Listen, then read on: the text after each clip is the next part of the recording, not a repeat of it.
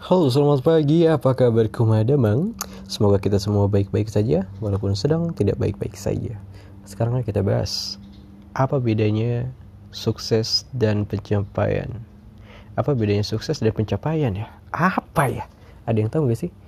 Jadi kadang orang-orang suka ketukar gitu loh Ketukar dan menyamakan antara sukses dan pencapaian Kalau misalnya nih, orang ditanya uh, duh.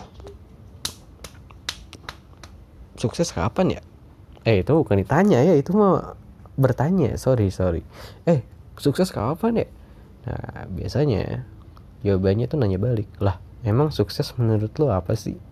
Sukses ya? Sukses tuh ketika. Nah biasanya yang dia jawab itu dia tidak menjawab apa itu kesuksesan tapi justru dia menjawab tentang pencapaian-pencapaian. Contohnya nih sukses itu ketika punya Lamborghini dua punya Air Jordan tiga misalnya punya Air One punya istana punya ini punya itu dan semua pencapaian lainnya.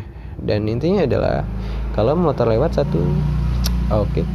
intinya adalah tolong bedakan itu pencapaian bukan kesuksesan.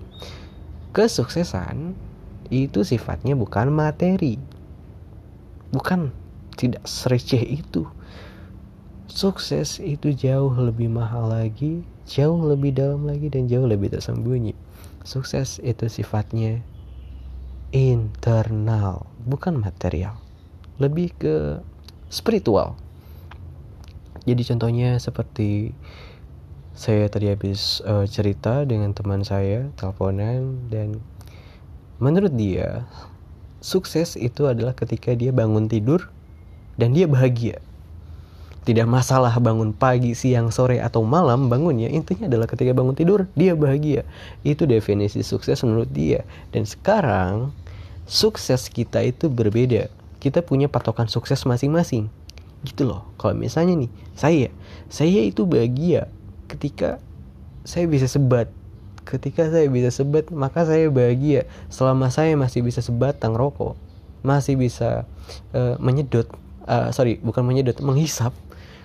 Artinya hidup saya sedang baik-baik saja.